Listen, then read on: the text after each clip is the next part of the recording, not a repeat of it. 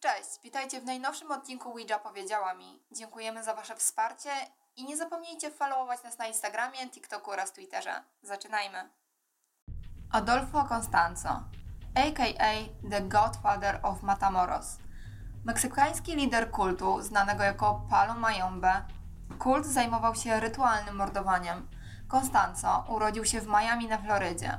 1 listopada 1962 roku jego matka wychowywała Adolfo sama. Urodziła go w wieku 15 lat. Miał on jeszcze trzech innych braci, każdego z innego ojca.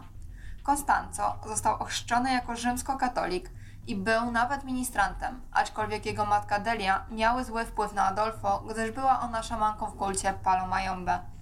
Jako nastolatek zaprzyjaźnił się z haitańskim kapłanem z Palo Mayombe, który nauczył go wszystkiego, co było potrzebne, aby zostać dealerem narkotykowym. Adolfo odwiedził Mexico City w 1983 roku. Utrzymywał się z czytania kart Tarota.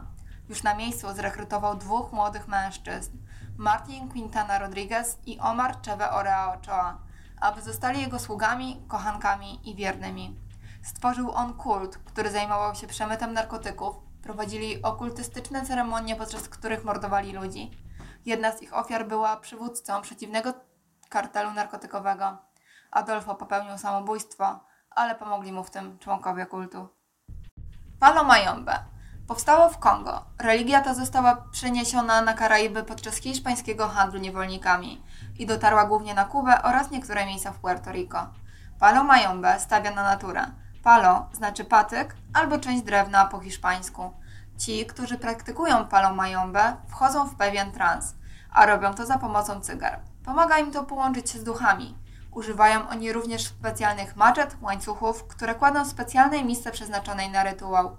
Palo mayombe w głównej mierze używane jest w dobrej naturze, aczkolwiek znajdą się przypadki, gdzie praktykujący palo mayombe zgubią dobrą stronę tej religii i zaczynają mordować ludzi w celu składania ofiar. Głównym bogiem palo mayombe jest Nganka, Tworzy się ją z patyków, które muszą być ze specjalnego drzewa oraz z ludzkich kości. Jeżeli nie są dostępne, to mogą zostać użyte kości zwierząt. A dodatkowo muszą się tam znaleźć kwiatki, kryształy, monety, żyletki, noże, kłódki, krew i wosk. W ten sposób tworzy się ngankę, dzięki której dusza zmarłej osoby może powrócić do życia, ale żyjąc w ngance. Satanik Panik we wczesnych latach 80., aż do wczesnych 90., rozpowszechniły się teorie spiskowe, co prawda bezpodstawne na temat wykorzystywania dzieci przez sekty. Media szeroko komentowały oraz nagłaśniały o satanik panik, a policja zbadała setki zarzutów. Oskarżeni trafili do więzień, rodziny przeżywały traumy, a miliony dolarów wydano na oskarżenia. Latem 1983 roku Kobieta z Manhattan Beach w Kalifornii oskarżyła pracownika przedszkola jej syna, McMartina, o znęcanie się nad nim. Kobieta wysłała ponad 200 listów do mam innych dzieci z przedszkola. Po trzech latach, w 1986 roku, prokuratorzy postawili siedmiu pracownikom przedszkola ponad 100 zarzutów o molestowanie dzieci i spisek.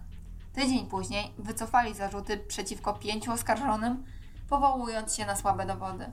Wszyscy oskarżeni utrzymywali swoją niewinność. Zjawisko to zyskało kilka nazw, takich jak strach przed rytualną przemocą lub panika w przedszkolu, ale jedna nazwa utknęła wszystkim w pamięci satanistyczna panika. Dziękujemy za wysłuchanie dzisiejszego odcinka. Mam nadzieję, że Wam się podobało. Szybkie ogłoszenie. Możecie nas słuchać na Podbean, Apple Podcast, Deezer, TuneIn oraz innych platformach podcastowych. Miłego dnia. Sylwia is going dark. Pa!